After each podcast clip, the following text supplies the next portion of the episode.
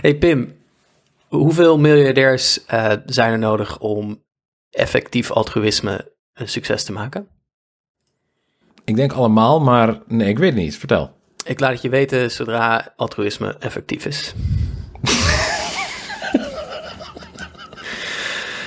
uh, ik heb zo'n hekel aan. Het is ook echt helemaal geen verrassing dat nu Rutger Bregman de grote apostel in Nederland is van het effectief altruïsme. Zo'n, weet je, de nieuwste pseudofilosofie die is overkomen waaien uit Oxford, gesponsord door miljardairs. Het is ook een soort volmaakte progressie. Dus um, Enkele jaren geleden was Steven Pinker heel erg populair. Ook on, natuurlijk weer bij Rutger Bregman. Met zijn, met zijn boeken over dat het heel goed gaat met de mensheid. En dat de geschiedenis bewijst dat het steeds beter gaat. En dat er vooruitgang is. En dat je niet naar doemprofeten moet luisteren. En dan waren de doemprofeten vervelende mensen zoals Karl Marx. En um, uh, en, en, en, en nu, nu Steven Pinker zo weer een beetje weg de aandacht daarvoor, moet het in het effectief altruïsme gezocht worden. Want als er maar voldoende mensen met een goed salaris of zelfs met een enorm vermogen, zoals miljonairs en miljardairs, 10% of 20% van hun besteedbaar inkomen weggeven aan goede doelen, ja, dan is dat geweldig voor, voor de mensheid. En dan hoort daar ook bij het idee van long-termism, dus langetermijn denken. Maar als je het een beetje gaat zo pieren in die ideologie, dan blijken daar hele eigenaardige ideeën te zitten. Bijvoorbeeld, um, een van de mensen die gelooft in effectief altruïsme, die denkt ook dat het, die zegt, ja, het zou verschrikkelijk zijn als er geen mensen meer zijn. Dus ik wil dat er mensen zijn en ik wil dat we Mars gaan koloniseren. Oh, Mars koloniseren, ja. Dus niet investeren in het oplossen van de problemen op aarde die er zijn. Nee. Um, maar je geld naar rare Mars-kolonisatieprojecten uh, sturen. En twee, denk wat de meest fundamentele kritiek op het effectief altruïsme is. Het is de privatisering van het uitgeven van uh, uh, kolossale uh, hoeveelheden geld. Hè? Dus in plaats van dat er bijvoorbeeld zoals dat voorheen gebeurde in het democratisch proces, wordt besloten wat er met de inkomsten van de belasting wordt gedaan. Waar gaan we dat uitgeven? Gaan we dat uitgeven aan een, een, zwembad voor de gemeente? Of gaan we dat uitgeven aan sportprogramma's, zodat iedereen kan sporten? of gaan we dat uitgeven aan de oude dagvoorzieningen en dat soort dingen? Zijn er dus nu een handjevol miljardairs die dan zo een boekje gaan lezen van een of andere Oxford uh, Pipo, um, die nog nooit gras heeft aangeraakt. En die gaan dan beslissen over um, wat het beste is om uh, geld aan uit te geven. Um, dus ik, ik heb er zo'n verschrikkelijke hekel aan. Maar het verbaast me niet dat Rutger Bregman, kerstverse boekenmiljonair, gelooft in effectief altruïsme en niet in belasting. Nee, dat, kan ik me voorstellen. Want Rutger Bregman is altijd een beetje geweest van het idee van... we moeten een klein beetje veranderen, maar je bent oké zoals je bent. Alleen dat hele idee dat miljardairs de beste personen zijn om hun geld uit te geven, te beslissen hoe ze hun geld uitgeven, dat is heel conservatief of niet? Want uh, een van de grondvesten van conservatief gedachtegoed is dat macht hoort, toebehoort aan de mensen die er het meeste recht op hebben. En miljardairs hebben laten zien dat ze slim genoeg en succesvol genoeg zijn om zo rijk te worden als dat ze zijn. Dus wie beter dan hen kan beslissen over het geld dat ze hebben. Ik denk dat dat er 100% in zit. Hè? Dus dat, dat die viering van de miljardair als een van de succesvolste menstypen die onze maatschappij produceert, is daarin heel fundamenteel. Het andere wat heel fundamenteel is en wat denk ik heel typerend is voor de manier waarop Brechtman schrijft en denkt, is dat er nooit een structurele verandering nodig is van de manier waarop we onze economie organiseren. Dus ja. je hoeft niets te veranderen aan de manier waarop op dit moment in onze markteconomie geld heen en weer slingert van A naar B dus het feit dat nu in onze markteconomie er in feite structureel sprake is van een herverdeling van geld van arm naar rijk. de rijken worden steeds rijker en de armen worden steeds armer. Je hoeft dat niet op te lossen. Want als die rijken gewoon dan met hun effectief altruïsme wat een beetje geld aan goede doelen gaan geven, nou, dan, dan is er helemaal niks aan de hand. Het, het hele idee draait op, we veranderen niets aan hoe de dingen nu zijn in de wereld. En we gaan een moreel appel doen op de mensen met veel geld om een klein beetje van dat geld dan uit te geven aan iets waarvan ze denken dat het goed is. Bijvoorbeeld het koloniseren van Mars is dan een van de voorbeelden. uh, of het uit. Eh, er zijn ook goede voorbeelden hoor. Het is niet alleen maar dat mensen hele rare ideeën hebben. Er zijn ook mensen die zeggen: ik wil graag alle, ik wil graag malaria uit de wereld helpen. Of ik wil graag uh, ziektes voorkomen. Of ik ga investeren in onderzoek om kanker te genezen. Maar het feit, het, het meer fundamentele feit is dat het, het geld, de beschikbare middelen, de rijkdom die onze wereld produceert, eerst wordt herverdeeld naar de mensen die al heel veel hebben. En dat dan die mensen mogen gaan beslissen waar de, de kruimels heen gaan. Ja, dat is natuurlijk een verschrikkelijk idee. En, maar dat is de ideologie van Rutger, waar Rutger Bregman nu voor aan het venten is. Ja. Ik kan dat ook wel. Sowieso het hele idee dat dat, dat long-termism, dat besluit eigenlijk dat het goed dat we in de toekomst kunnen produceren veel groter is dan het leed van vandaag. Waarmee je dus eigenlijk zegt, wat goed is voor de grotere groep, uh, dat moet dan maar ten koste van de kleinere groep. Maar dat is een filosofisch onhoudbaar concept, want er, dat is, het is ondemocratisch. Mensen die lijden, die kiezen er meestal zelf niet voor. En kunnen we echt over rijkdom spreken als we uh, als het ten koste gaat van die van een. Nou ja, het, kijk, het is filosofisch niet onthoudbaar, mits je dat democratisch organiseert. Het is natuurlijk best denkbaar dat een kleinere groep ermee akkoord gaat. Eh, of niet democratisch organiseert, maar, dat, uh, maar, maar het organiseert zodat die kleinere groep er wel invloed op uit kan oefenen. Dus het is best denkbaar dat een kleinere groep zegt: wij zijn bereid om uh, dat offer van ons eigen welzijn te maken voor het grotere goed.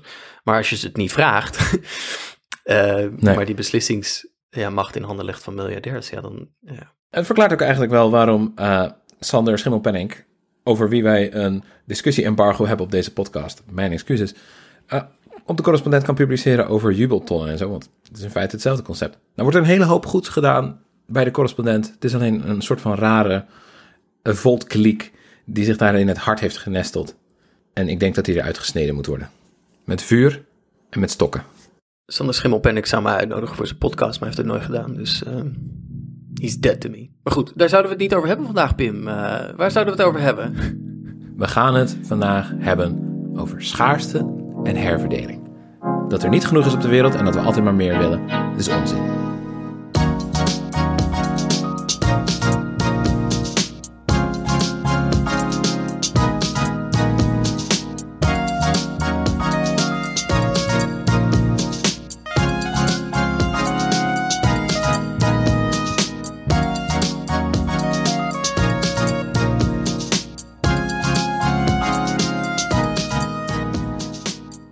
Welkom bij Het Redelijke Midden, de podcast waarvan alle abonnementsgelden in de zak van één persoon belanden.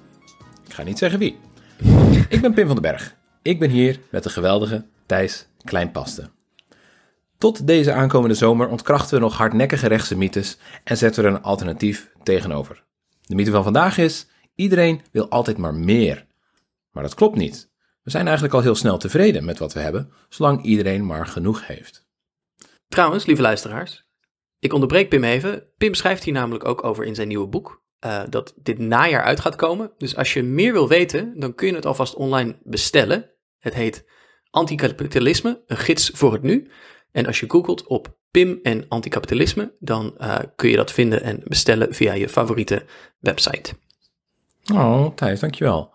Um, Sowieso, dankzij jullie hulp kunnen we deze podcast maken. Voor 3 euro per maand kun je ons al steunen op vriendvandeshow.nl slash hrm.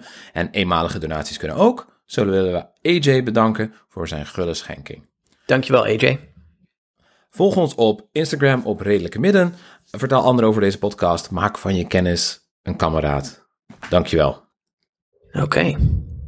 Goed, de mythe van vandaag dus. Iedereen wil altijd maar meer. Um, en dat hangt samen met een heel belangrijk woord dat we vandaag uh, heel veel zullen herhalen: schaarste. Het idee dat er niet genoeg is uh, en dat er toch een manier moet gevonden worden om die schaarse dingen, waar iedereen graag zijn handen op wil leggen, over te verdelen tussen ons. Uh, het enige wat oneindig is, is het heelal. En natuurlijk de liefde voor mijn medemens. Hm, ja. Dat gezegd hebben, ik was dus bezig met een hoofdstuk hierover. En ik kwam uit bij Star Trek. En we kennen Star Trek allemaal. Het is een van de populairste, zo niet de populairste utopische fictie voor volwassenen. Even voor, uh, ik, ik ben maar even gewoon even degene die de, de meest beledigende vraag uh, aller tijden voor trekkies gaat stellen. Star Trek en Star Wars, wat is het verschil? Nou, dit vind ik eigenlijk niet zo beledigend. Het kan me niet zoveel schelen. Nee, de Iedereen heeft tenslotte...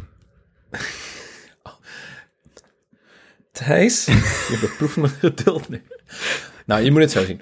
Star Wars heeft een verhaal over hoe het universum, verschillende planeten, zich eigenlijk onder het juk van een intergalactische dictatuur weten uit te wringen. Uh, een kleine groep rebellen, geïnspireerd ook door de Vietcong destijds, uh, verzet zich tegen het grote fascistische keizerrijk. Dat was geïnspireerd door het imperialistische Verenigde Staten. Maar zodra de goedzakken winnen, is in feite de film afgelopen. Hmm. Je hebt eh, lang conflict gehad, veel leed, maar ook veel hoop en moed. Alleen de vraag, wat gebeurt er dan? Die wordt niet echt beantwoord. En je ziet het ook naar de vervolgfilms. Daarbij ontstaat eigenlijk gewoon weer hetzelfde conflict opnieuw. Dus er is nooit een tijd om een betere samenleving te scheppen. Maar Star Trek begint juist vanaf dat punt. Dat is ook uh, science fiction, meerdere ruimtewezens, meerdere soorten, meerdere planeten die een internationaal verband creëren. En er is oorlog en er is ziekte en van alles en nog wat. Maar Star Trek vraagt zich af, wat kan de wereld nog meer zijn? Want de oorlogen in Star Wars zijn als de oorlogen die wij ze kennen. Daar zijn ze ook eigenlijk allegorisch voor. Maar in Star Trek hebben we de problemen die wij kennen eigenlijk, die zijn grotendeels al opgelost. Waaronder schaarste. Oh, wacht even. Hoe heeft Star Trek dat precies opgelost? Kun je dat uit de doeken doen? Ja, in Star Trek hebben ze nu, wanneer je bijvoorbeeld de serie The Next Generation kijkt met kapitein Picard, weet je wel, Patrick Stewart, Kaal. Make it so. Dat is de, dat is de beroemdste uh, reeks, toch? Uit, uit, uit, uit de, ja, ik bedoel, iedereen kent Spock, maar verreweg de meeste mensen hebben gekeken naar die serie met Picard uit de jaren 80, begin jaren 90. Ja. En je hebt het apparaat, dat heet de Replicator. En daarmee maakt Jean-Luc Picard zijn kopjes thee. De Gewoon een replicator. machine in de muur. De replicator. De machine in de muur. En dan het enige wat Picard hoeft te zeggen is... Tea, Earl Grey, hot. En dan komt er een kopje thee uit het niet. Op een schoteltje. Ma- Mag ik even zeggen dat jouw Patrick Stewart stem echt heel goed is? Dankjewel. Ja. Ehm, in feite wat de replicator doet, is het maakt met een bepaalde grondstof materie uit licht. Oké. Dat is eigenlijk eh, een soort van heel bijzondere fotosynthese, denk ik. ja, soort- Eigenlijk is het een plant. Maar deze plant, eh, plant. Die, die groeit, zeg maar, in, in een milliseconde groeit die dan eh, Earl Grey hot. Daar komt het op neer. Oké. En hoewel wij in het nu, het hier en nu, ook al materie uit licht en energie kunnen maken, kunnen we dat waarschijnlijk nooit zo efficiënt als dat in Star Trek gebeurt. Oké, en even, even, deze replicator, die maakt dus alles, zeg maar. Dus het is niet alleen dat, dat je hier een kopje thee mee kunt zetten, maar je kunt er bijvoorbeeld ook een huis mee bouwen, of een ruimteschip, of, de, of, of, of dat, dat soort dingen. De replicators die wij zien zijn vooral voor kleine dingen, Mhm, maar ja, het komt erop neer dat de menselijke behoeftes mhm. door machines als de replicator zijn weggenomen. Dus Dus schaarste, onze behoeftes zijn er nog, maar onze, onze schaarste is, is opgelost. schaarste bestaan niet meer. Nee, alles wat we nodig hebben wordt in feite heel efficiënt en onmiddellijk gemaakt voor iedereen. Maar dit is, ehm, als ik het goed begrijp, ik heb eh, een paar afleveringen Star Trek eh, gezien in, in mijn leven. Eh, inderdaad, uit The Next Generation met, met Patrick Stewart als Captain Picard. Ehm, maar voor zover ik het begrijp van Star Trek, is die, hè, dat oplossen van schaarste heeft tot allerlei goede uitkomsten geleid. Dus eh, omdat schaarste kon worden opgelost, verdween eigenlijk de noodzaak om allerlei oorlogen te voeren over grondstoffen. En Ja. eh, kon er een soort universele vrede op aarde komen. En, en kon daarna ook eh, konden de aardbewoners beginnen met het verkennen van het universum. En het verspreiden van de principes van vrede en, en harmonie. Ja, daar lijkt het wel op, inderdaad. En het is ook vaak iets wat Star Trek een beetje disqualificeert, weet je wel. We, we kennen het als een zeldzaam utopische serie, maar vaak wordt er gezegd, ja, het is helemaal niet realistisch. Wat hebben we eraan? Dus het is veel makkelijker om terug te grijpen op wat meer, tussen haakjes, realistische of cynische series en films en boeken. Maar, hoewel je dat niet ziet in de serie, is de geschiedenis van Star Trek stukken interessanter. Want voordat we de technologie hadden in Star Trek om die problemen op te lossen, hebben de mensen inderdaad gruwelijke oorlogen gevoerd, onbeperkte grondstoffen en wie, ook belangrijker, aanspraak op had. Er was eh, een hele reeks eugenetische oorlogen waarbij sommige mensen eh, levenswaardig werden gezien en anderen niet. Alleen dat werd dan vervolgens opgelost, geloof het of niet. Mensen kropen uit de as van die kernoorlogen en besloten om het beter te doen. Dus ze begonnen met het bouwen van voorzieningen voor, voor de armen en de behoevenden.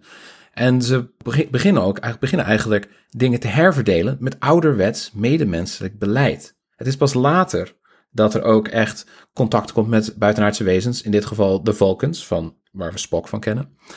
En eh, de replicator, waarmee we dus die vragen kunnen oplossen. Het is haast alsof Star Trek zegt, pas als we die concepten op een politieke en filosofische manier hebben beantwoord, dan krijgen we ook daadwerkelijk de technologieën die we nodig hebben om dat te verhelpen. Maar het, maar het helpt natuurlijk wel dat de schaarste is, is opgelost. Dat er dus geen oorlogen meer om grondstoffen zijn. Want als ik het bijvoorbeeld vergelijk met een andere science fiction uh, serie, uh, weliswaar een boek die dan nu in twee delen uh, opnieuw is verfilmd, Dune.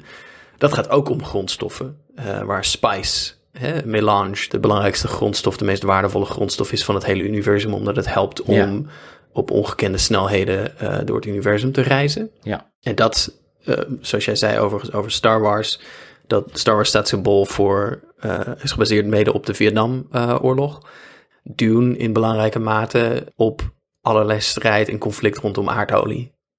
Um, ja. ja. En, en ook de, de verwoesting van het natuurlijke landschap in het zoeken naar, uh, naar deze fossiele grondstoffen. Maar dat zijn hè, de Star Wars en Dune heel gewelddadige uh, visies van, van hoe zo'n wereld eruit kan zien. Hoewel ik, ik wilde bijna zeggen toekomst, maar Star Wars is natuurlijk uh, speelt het in het verleden, verleden. het verre verleden. Ja.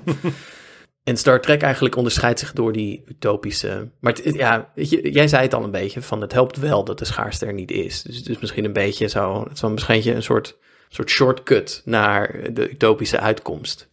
Um, zijn, er ook, Ja. zijn er ook nog, zeg maar, want die, de, de, de, de, de aardlingen van Star Trek, die gaan dus het universum door en die proberen contact te maken met andere beschavingen.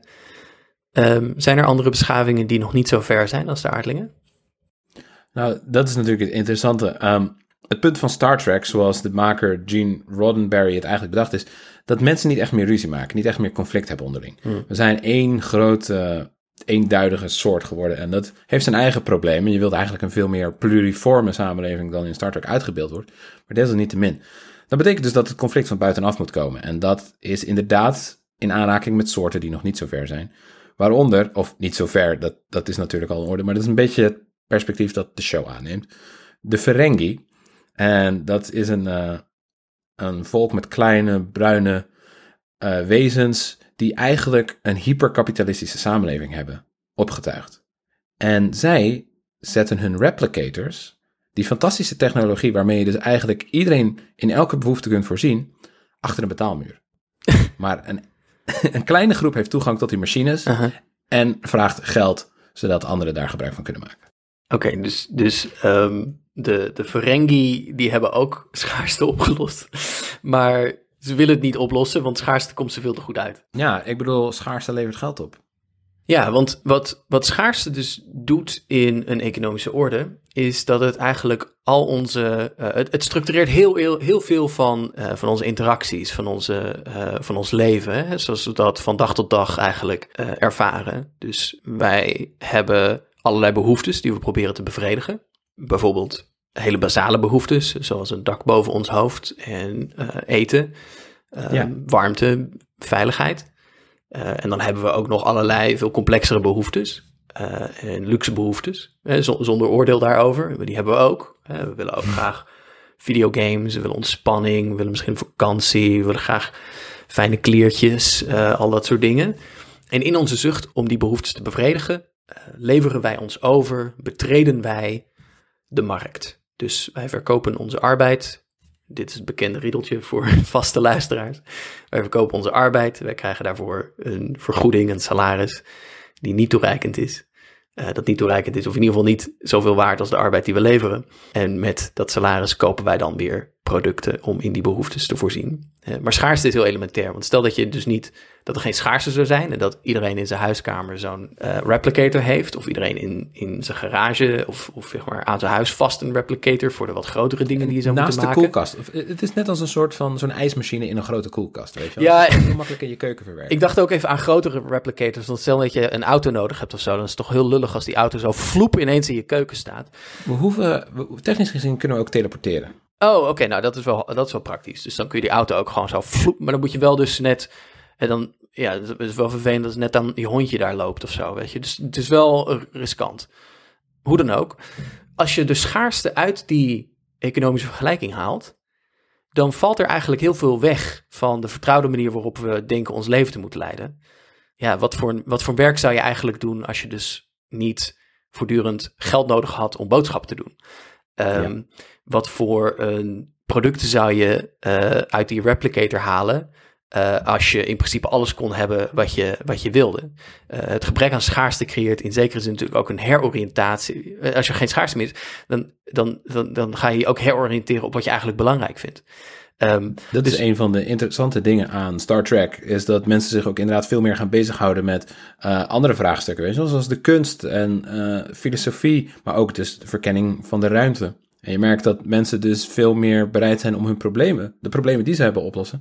Daar heb je ook veel meer die gereedschappen voor nodig. Het gaat niet meer om wat je, of je je loon krijgt of je maaltijd aan het eind van de dag. Maar wat de zin is van het leven of waar je heen moet met, met de hele mensheid. Ja, ja. Het is niet ideaal en soms een beetje aanmatigend of ongeloofwaardig, ja. maar toch. Ja, dat is, dat is inderdaad waar. Ja. Maar het, het, is, het, is bijna, het is bijna ondenkbaar. Ik moet altijd denken aan, ik heb ook eens op de podcast gezegd, die uitspraak van Marx van iedereen die plannen maakt voor na de revolutie is een reactionair. Dus het, um, het hele idee dat als er iets heel erg fundamenteels in onze economische orde zou wijzigen, dat dan eigenlijk alles anders wordt, wat je ook niet helemaal goed kunt voorspellen hoe het er dan precies wel uit zou zien, dat is, ja. um, dat is heel, heel belangrijk. Maar die schaarste is dus, het is echt een, een, een pijler onder ons sociaal-economische stelsel. Laat, laten, we, laten we een huis, op dit moment een product dat wordt verhandeld op een, op een markt, als voorbeeld nemen. Ook in, het ene huis is het andere niet. Uh, het ene huis is groter dan het andere. Het ene huis is beter geïsoleerd dan het andere. Het ene huis is mooier dan het andere. Of het staat op een mooiere plek met een mooier uitzicht. Hè? Een, een, een, huis met uitzicht rechtstreeks op de oceaan is doorgaans meer waard dan een huis dat net iets groter is en uit net iets betere materialen is gebouwd, maar dat uitkijkt op een blinde muur in een drukke stad. Ja. Dat betekent dus dat er, er is hier schaarste, want niet elk huis kan aan de oceaan staan. Dus uh, mensen gaan proberen dat plekje voor zichzelf te bemachtigen.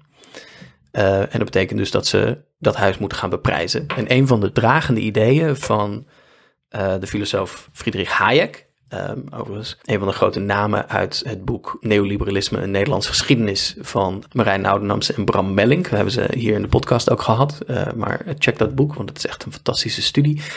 Friedrich Hayek, grondlegger van het neoliberalisme, die heeft eigenlijk een theorie van de markt, waar ook schaarste een rol speelt, waarin hij zegt, uiteindelijk is de beste indicator van ja, wat wij willen als mensen, hè, is datgene waar we geld aan uitgeven mensen zeggen wel van, ah, ik, wil, ik heb allerlei wensen en ik heb allerlei verlangens en ik zou graag dit en ik hoop uh, ooit zus. Uh, maar je moet kijken, waar geven ze geld aan uit? Dat is uh, uiteindelijk het belangrijkste signaal dat een markt produceert over hè, wat mensen werkelijk belangrijk vinden. Dus als ze veel geld over hebben voor dat huis aan het strand, nou dat is prachtig, want dat betekent dat degene die dat hè, die dat grote bedrag op tafel heeft gelegd, die wilde dat het liefst. Meer dan de anderen die er kennelijk minder geld voor over hadden.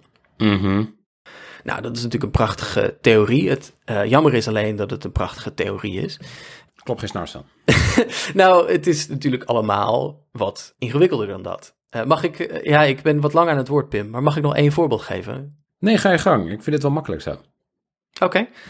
Om een voorbeeld te geven uit mijn eigen leven over schaarste en markt en waar we geld aan uitgeven. Um, toen ik in Washington DC woonde, uh, woonde ik in een hartstikke fijn appartementengebouw in de Verenigde Staten. Zoals dan, en dat was een, echt een, een typisch appartementengebouw, zoals je dat veel vindt in uh, de Verenigde Staten, met name in de wat oudere steden, waar je geen eigen was- en droogcombinatie hebt in je eigen appartement. Maar je hebt een hele grote was- en droogruimte ergens in het gebouw. Meestal is dat in uh, de kelder of op de begane grond ergens. En daar staan, goed. daar staat een trits uh, wasmachines en drogers. Uh, waar je dan uh, gebruik van kunt maken, maar niet gratis. Het is niet, het is, het is, het is niet Socialist Europe natuurlijk. daarvoor moet je betalen. En heel erg lang, toen ik daar woonde, was daarvoor de prijs was anderhalve dollar. Dus 1,50 dollar voor het draaien van een was. En dan ook anderhalf dollar voor het gebruik maken van de droger. En dat waren op zich wel hele grote machines, dus je kon er wel een hoop was in kwijt. Dat waren niet van die kleine kleine machines waar je dan denkt van nou, ik word hier, uh, uh, wordt hier een oor aangenaaid, maar um, toch ja, elke keer 3 dollar voor het doen van je wasje en je droogjes. Nou, weet je, dat probeer je niet te vaak te doen. Tot zover het, de prijsprikkel en het marktmechanisme. en toen op een dag verscheen er een briefje zo in die wasruimte van het management die zei de oorspronkelijke uitbater van deze wasmachines, want dat deed de uitbater van het gebouw niet zelf, die is opgekocht door een andere organisatie. En dat was de organisatie die op zich al 80% van de markt in handen had in die regio. Dus uh, er is een wijziging. Nou, en toen twee weken later waren de prijzen ineens verhoogd naar 2 dollar. en de machines waren nog steeds dezelfde. Die waren niet vervangen voor nieuwe, betere machines. Alles was precies bij het oude. Uh, er zat niet eens een nieuwe lik verf op de muur. Het was alleen, de prijzen zijn nu 2 dollar. En dat is de markt, baby. Dat is de, nou ja, weet je, Hayek zou zeggen, nou oké, okay, weet je, dan gaat die prijs omhoog. Dan moet je dus van een andere aanbieder misschien gebruik gaan maken als je dat wil. Maar ja, hallo, uh, er is maar één wasruimte in dat gebouw. En de dichtstbijzijnde wasseretten uh, was vijf kilometer verderop. Dus dan moest je met je zware tas vol met vieze was in de bus gaan. En dat kostte ook nog enorm veel tijd. En die tijd had je niet echt, want je had al een drukke baan. Dus je werd maar gewoon een beetje een poot uitgedraaid. Dus dat is eigenlijk al een situatie waarin die markt helemaal niet functioneert zoals die zou moeten functioneren. Ja, of je zou iets heel geks moeten doen, uh, namelijk een soort appartementengebouw maken, waar dan in de kelder bijna als een soort echte markt tien of twaalf ruimtes zijn met allemaal wasmachines, waar verschillende aanbieders elkaar concurreren voor de prijs. Dat, dat klinkt eigenlijk heel goed. Ik, ik beeld me nu in dat ik dus op het treinstation Dordrecht sta en dat de NS gewoon de prijzen verdubbelt en dan zegt, ja, dan moet je maar de Arriva-trein naar Geldermalsen nemen. Ik wil gewoon naar Rotterdam. Ja, ja dus, dus het kan helemaal niet. Dus er zijn heel veel situaties in ons leven waarin de markt helemaal niet functioneert als een markt. En waarin elementaire vragen over wie heeft er eigenlijk macht in een situatie, wie kan er bepalen wat de prijs van iets is of wat er van mensen wordt verwacht, uh, heel eenzijdig is. Waar ook tegenmacht organiseren heel erg moeilijk is. Ja. Ja, en nou ja, dat is dus een van de manieren waarop schaarste, hè, namelijk de schaarste van je moet je was kunnen draaien en er is, een, is een aanbieder van deze dienst, maar er is niet een soort universele toegang toe. Eigenlijk een soort machtsrelatie ook in zich draait. En dat is natuurlijk ook wat er gebeurt met schaarste in heel veel andere contexten. Uh, als het gaat om woningen, als het gaat om uh, voedselvoorzieningen, als het gaat om, nou, ik denk alleen in de toekomst, toegang tot vers en schoon water. Dat ja. zijn allemaal vragen die je niet aan de markt kunt overlaten, omdat ze in wezen politiek zijn. Ja, want zelfs als er geen schaarste is, dan wordt die gecreëerd door machthebbers om er meer macht en bezit uit te halen. Omdat in ieder geval een afhankelijkheidsrelatie te creëren. Zoals de Ferengi, als er geen schaarste bestond, dan zouden ze moeten creëren. Want dat is gunstig voor de kleine groep mensen die dan hè, die productiemiddelen in handen heeft. De Ferengi is eigenlijk een heel doorzichtige metafoor voor het kapitalistische systeem. Omdat een kleine groep, de bourgeoisie, de productiefactoren in handen heeft. En die dus ook gebruikt om daar rijker van te worden. Om daar zelf beter van te worden. En ja. dat is de grote meerderheid uh, dat onderhouden. Dus dat betekent ook eigenlijk dat je schaarste kunt gebruiken om mensen tegen elkaar op te zetten. Je kent, ik bedoel, die grap wordt constant herhaald nu. Hij staat ook bijvoorbeeld zelfs in Cody Hoogstenbachs boek Uitgewoond. Een bankier, een arbeider en een migrant zitten om een schaal koekjes. Mm Tien koekjes. De bankier eet er negen en zegt tegen de arbeider... Kijk uit, voordat de migrant die laatste opeet. Ja, ja precies. Ja, dus, dus er, wordt, er wordt schaarste gecreëerd en, en, en dan worden mensen tegen elkaar, uh, tegen elkaar uitgespeeld. Het is een goede manier om dus uh, solidariteit te ondermijnen en mensen echt afhankelijk te houden van die machtsrelatie die gebaseerd is op schaarste, die jij hebt gecreëerd. Ja, en je zegt er iets heel fundamenteels, uh, Pim, want je hebt het over het creëren van schaarste. Schaarste is geen natuurverschijnsel. Dat wil zeggen, er zijn natuurlijk dingen die iedereen nodig heeft, zoals toegang tot schoon drinkwater. Ja, woonruimte. Woonruimte. Die schaars zijn om een aantal uiteenlopende redenen. De toegang tot schoon drinkwater is schaars omdat die natuur, als natuurlijke grondstof betrekkelijk schaars is en niet iedereen heeft er toegang toe. Dat is eigenlijk misschien wel iets waarvan we kunnen zeggen van oké, dat is dus heel heel elementair. Uh, hoewel er natuurlijk wel allerlei technologieën zijn waarmee je dan uh, misschien efficiënter met de, de met de uh, water kunt omgaan. Dus je kunt bijvoorbeeld regenwater afvangen en je kunt je toilet niet doorspoelen met kraanwater, maar met regenwater. En je kunt slimmer filteren en je kunt zelfs op veel andere schaal, je kunt enorme kanalen gaan aanleggen, zodat er rivierwater van plek A naar plek B stroomt als plek B te droog is. Dat gebeurt heel veel in als we het, Californië. Ja. Als we het over uh, speculatieve fictie hebben trouwens, in de film Waterworld, die kolossale science fiction flop uit de jaren 90 met Kevin Costner in de hoofdrol, is de, wereld zijn de poolkappen gesmolten door, door klimaatverwarming en leeft iedereen eigenlijk op boten en eilanden. En Kevin Costner heeft dan op zijn katamaran, en dan bedoel ik de boot en niet de patat met twee frikandellen aan weerszijden, een apparaatje waar hij dan in urineert en daaruit komt vervolgens schoon drinkwater. En ik dacht, oh, dat is echt fantastisch, wat geweldig. Blijkt dat wij dat ook gewoon al doen in Nederland.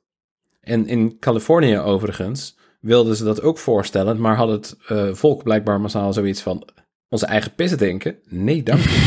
Terwijl het Nederlands drinkwater, mm, ik kan het iedereen aanbevelen. Ik heb vandaag iets nieuws geleerd. Dat gezegd hebben, hè? Ja. Ja, want we, het ging over schaarste. Uh, uh, ja, waar, waarom, waarom woonruimte schaars is, lees het koningsboek. Maar goed, heel veel andere vormen van schaarste zijn natuurlijk kunstmatig. Bijvoorbeeld de laatste mode hè, is schaars en duur, maar het is op geen enkele manier noodzakelijk voor mensen. Het is een soort kunstmatige behoefte die mensen voelen om zichzelf te onderscheiden van anderen. Of om uh, uiting te geven aan hun specifieke smaken en voorkeuren. Aan hun stijl die ze mooi vinden. Aan kleding die ze goed staat en waar ze zich lekker in voelen. Uh, en in sommige opzichten is het bedoeld ook als een statussymbool. Om diezelfde redenen zijn overigens synthetische diamanten, die niet meer te onderscheiden zijn van echte diamanten, niet waardevol, omdat ze niet echt zijn. Precies. dat is een heel vreemd, um, heel vreemd uh, fenomeen. En uh, Marx heeft daar overigens een, een interessante observatie over. Uh, die zegt namelijk dat een heel groot deel van onze verlangens, waar dus ook schaarste eigenlijk op parasiteert, kunstmatig zijn. die schrijft namelijk dat um, hè, zolang twee buren allebei in een hut wonen en eenvoudige behoeftes hebben en in die behoeftes kunnen voorzien, is er niets aan de hand. Het probleem begint, het sociale probleem begint, zodra de ene buurman ineens in een paleis woont. En de buurman in de hut denkt, waar heeft die andere buurman dat paleis aan te danken? En hoe komt het dat wij zo ongelijk zijn in onze status en in onze sociale macht? Uh, plotseling is die hut te klein. Plotseling is de hut te klein. Ja, ja. Uh, we, we, we, hebben het, we hebben het veel over memes in deze aflevering. Maar nu moet ik denken aan die meme uit, uh, uit Borat. Over van uh, dat hij dan. Um, ik heb radio, mijn buurman koopt radio. Ja, ja. Ik heb ezel, mijn buurman koopt ezel. Ja. Ik heb glazen buiten, mijn buur kan niet betalen. Great succes. Ja, ja precies. Ja. Dus dat, en dan zie je op die achtergrond die buurman zo heel zuur zo kijken over de schutting. Van, uh, dus dus dat, dat, die, die, die vergelijking, zeg maar, die, die in het spel komt. En die, die, ja, die vergelijkingsdrift die we dan toch kennelijk hebben, die wordt echt heel erg uitgebuit. Hè? Dus die wordt dan gebruikt om ons harder te laten werken. Want ineens kun je tegen de buurman in hut zeggen van... nou, als je ook zo hard werkt als die andere man... Als je ook hard werkt, dan kun je ook een paleis betalen. Of, uh, of, of, of iets in die trant. Dus het is, een, het is ook een, uh, in, onze, in, de, ja, in de disciplinering van ons leven is schaarste een soort in, prettig instrument voor de heersende klasse om ons er een beetje zo bij de lees te houden. Hè? Om ons niet, uh, mm -hmm. ja, ja. Het leert ons eigenlijk dingen te verlangen. Het leert ons om Die... dingen te verlangen en om hard te werken. Ja, ja. ja, want inderdaad, het komt, niet, komt ons niet aanwaaien. Dus werken we voor een gecreëerd verlangen wat ons niet eens per se gelukkig maakt. Precies. Precies. Ah, dat, is, dat is fucked up. Dat is fucked up, ja. Maar, nogmaals, schaarste is niet per se noodzakelijk. En daar waar schaarste wel noodzakelijk is, is het iets wat je niet aan de markt kunt overlaten. Want zodra je het aan de markt overlaat, dan heb je natuurlijk uiteindelijk heb je het systeem van hoe je dingen verdeeld over een grote groep mensen die allemaal graag een beetje wil, heb je geprivatiseerd. Uh, waardoor je dus allerlei uh, situaties kunt krijgen waarin een deel van de bevolking niet wordt bediend in behoeftes, terwijl een ander deel van de bevolking, omdat zij daarvoor het geld en de middelen hebben, een enorm deel ja, wel opsoepeert en eigenlijk meer gebruikt dan uh, waar ze recht op hebben. Dit vind ik interessant. De herverdeling is een soort van politieke opgave, zodat we eerlijker toebedelen wat men nodig heeft. Maar wat men nodig heeft, wordt even goed geperverteerd door de markt. Dus pas echt als we van die markt afkomen, dan kunnen we men geven wat, of duidelijker bepalen wat we daadwerkelijk nodig hebben en men dat geven. Ja, en, en moeten we ook, denk ik, een soort mechanisme zien te bedenken, waardoor um, die neiging om meer te gebruiken dan waar je redelijkerwijs behoefte aan zou hebben, om die een beetje in te dammen. Uh, ik denk dat het een mooi voorbeeld is, waar ook recent in de laatste maanden over is gediscussieerd. Een van de nieuwe schaarstes die we aan het creëren zijn in de wereld, uh, is CO2-uitstoot. Hè? Eh, we zijn het er allemaal over eens dat er minder CO2 moet worden uitgestoten. En er zijn eigenlijk een aantal manieren uh, om dat te bereiken. En belangrijker daarvan is het eenvoudigweg verduurzamen van onze energieopwekking. Maar daar, er blijft natuurlijk uh, hier en daar ook in productieprocessen, et cetera, natuurlijk allerlei CO2 worden uitgestoten. Uh, bij de omzetting van grondstoffen in eindproducten, uh, bij het winnen van sommige grondstoffen. Onze energietransitie is de komende decennia, als het geen 100 jaar of langer duurt, nog niet CO2-neutraal. En dat hoeft ook niet per se. Je kunt wel een beetje CO2 uitstoten, ook onder de huidige voorwaarden. Je kunt alleen niet meer zoveel uitstoten als we als nu nog gedaan. doen en als we hebben gedaan. Ja. Dus zeggen sommige economen, nou, hartstikke goed. Iedereen krijgt een CO2-budget. Dus uh, we mogen maar een bepaalde hoeveelheid CO2 uitstoten. Uh, zeg 1000. We mogen 1000 CO2 uitstoten. En dan krijg je, ga je 1000 delen door um, de bevolking van je land. Uh, die is toevallig ook 1000. Nou, heel makkelijk. Dan krijgt iedereen één CO2. En als je nou mensen hebt die graag wat meer willen uitstoten, dan kunnen zij de CO2-kredieten kopen van de mensen die minder uitstoten. En dat is natuurlijk waar de rot begint. Want Aha. dan gaan de mensen die bijvoorbeeld in een sociaal-economische afhankelijke positie leven, die weinig te makken hebben, uh, voor wie het leven duur is, die gaan zeggen, weet je, ik doe de verwarming wat lager, ook als het heel koud is in de winter, en ik uh, koop heel weinig, en ik uh, ging toch al niet op vakantie, want ik kon het niet betalen. Dus die gaan hun kredieten verkopen op de markt tegen een prijs.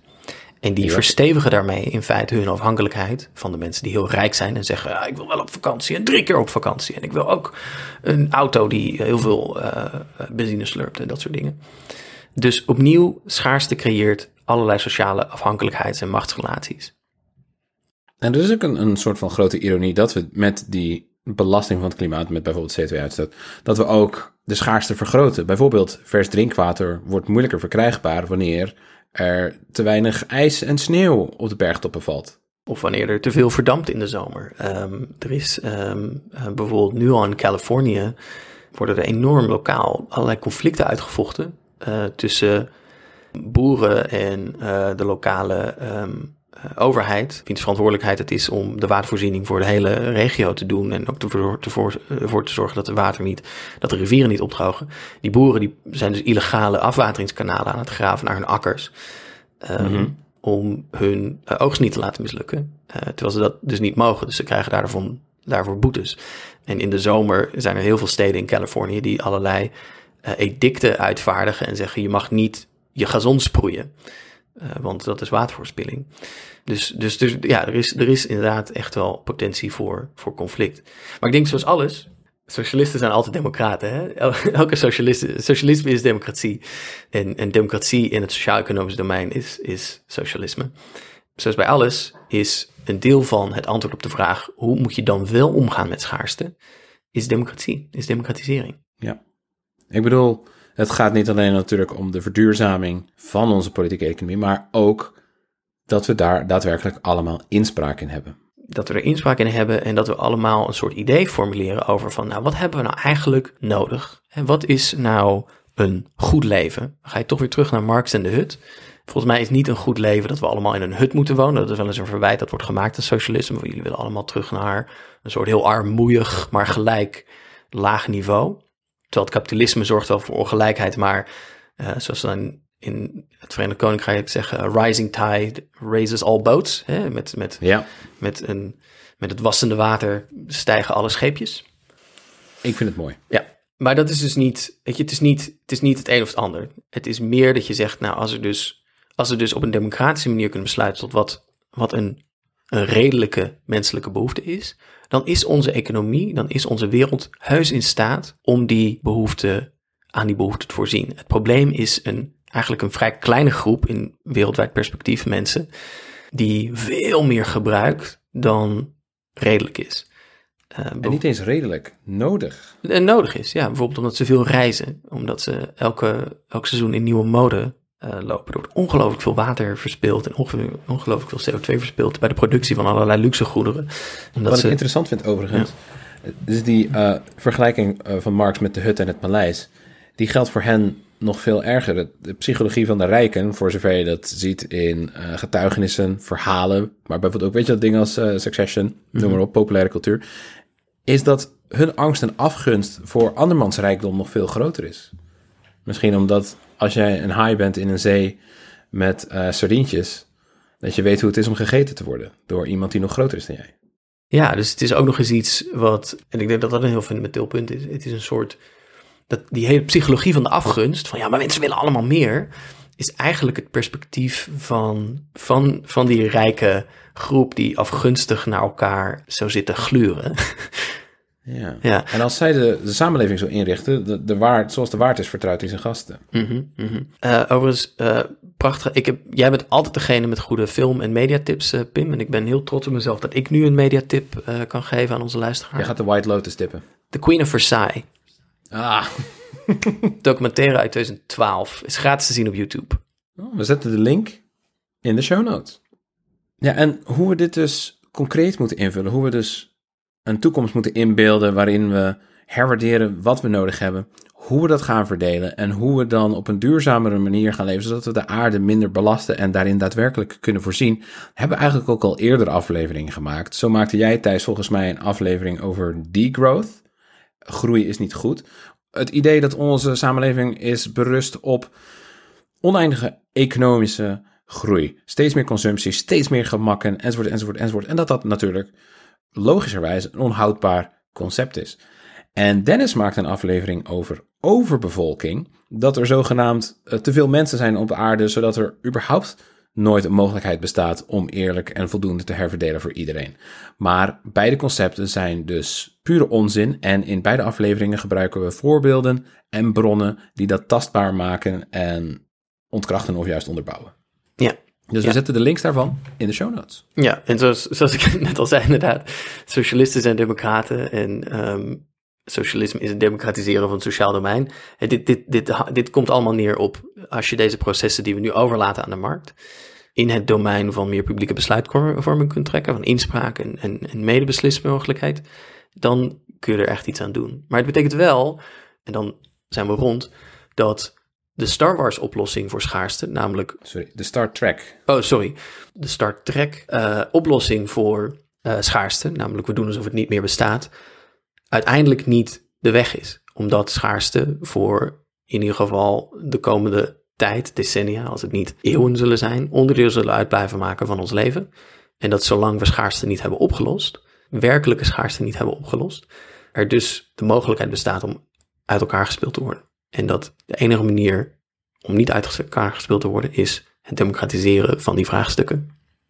Ja, want, en dit vind ik belangrijk, hebben we nog niet echt besproken, is dat we kunnen niet echt spreken over rijkdom of onze rijkdom of onze manier van welvarend leven als dat ten koste gaat van het uitbuiting van de grondstoffen in andere delen van de wereld, als het gebouwd is op kinderarbeid of oneerlijke arbeidsomstandigheden, als het een, eigenlijk een toekomst verpand voor de kinderen die wij nu krijgen. En het is vrij simpel. Als niet iedereen ervan kan genieten, als we niet kunnen delen met iedereen, is het geen rijkdom, dan is het geweld en dictatuur. Denk alleen maar aan bijvoorbeeld de verwoesting die Shell heeft aangericht uh, recent in Nigeria, uh, in onze zucht, de westerse zucht, naar olie en fossiele grondstoffen. Of denk wat verder terug naar de Shell-verwoesting uh, die is aangericht op Curaçao in het Nederlandse Koninkrijk. Ja, denk aan staatsgrepen in bijvoorbeeld Latijns-Amerika om lithiumbronnen te beschermen voor onze elektrische auto's. Ja. Onze verduurzaming gaat ten koste van andermans democratie. Van andermans democratie. En er wordt roofbouw gepleegd op andere delen van de wereld, waar de mensen die het goed uiteindelijk consumeren uh, geen enkele consequentie van dragen. En de mensen die er moeten wonen in gifgassen leven en uh, uh, doodgaan en allerlei ziektes, ziektes krijgen. Wauw, Pim, ik sluit weer eens af, geheel in stijl met hoe ik dat altijd doe met een, een domper. Um, en na zo'n domper kan ik eigenlijk alleen maar hopen dat jij wat luchtigheid brengt en ons vertelt wat is het redelijke midden van deze week. Voor het redelijke midden van deze week even wat achtergrondinformatie. De gemeente Amsterdam wil armoedebestrijding doen. En die doet dat door bijvoorbeeld mensen meer bewust te maken van de mogelijkheden van goedkoop en gezond boodschappen doen in de supermarkt. Want zoals we weten is het heel aantrekkelijk om goedkoop maar ongezond te eten. Er zijn heel veel mogelijkheden voor. Vlees wordt gesubsidieerd, instant voedsel is stukken goedkoper en stukken makkelijker te bereiden dan bijvoorbeeld verse groenten.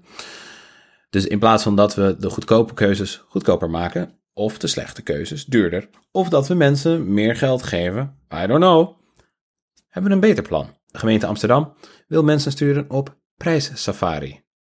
Om gewoon even te oriënteren dat het echt goedkoper kan. We nemen arme mensen bij de hand en laten zien, hey, dat kan beter. Dus wat zegt Davy in onze Discord? Het redelijke midden van deze week is, al die ambtenaren van Amsterdam krijgen gewoon een loonsverhoging. De loonsverhoging die ze de anderen misgunnen, maar dus moeten ze wel eerst een dagje op salarissafari. Ha! Ha! Hartelijk bedankt weer voor het luisteren. Alle bronnen die we hebben gebruikt deze aflevering kun je terugvinden in de show notes op onze website hetredelijkemidden.nl. Mocht je in het bijzonder genoten hebben van deze aflevering, deel hem dan met je geliefde, vrienden, familie, collega's en kameraden. Je kunt ons ook steunen op vriendvandeshow.nl slash hrm. Ook met een eenmalige donatie. Maak van je kennis een kameraad. Volg ons ook op Twitter en Instagram, daar zijn we redelijke midden. En vragen, complimentjes, memes of ideeën voor nieuwe afleveringen kun je ons sturen via de mail naar hetredelijkemidden.gmail.com. Vertel ons ook wat je wilt horen in het nieuwe seizoen na de zomer. Dan tot slot, eh, Dennis en ik denken erover na om de post-apocalyptische politieke game Fallout New Vegas te streamen met als hoofdpersoon Rutger Bregman. Dus als je dat wil zien, kijk dan op twitch.tv slash superstructuur. Hartelijk bedankt voor het luisteren en tot de volgende keer. Aju. Aju.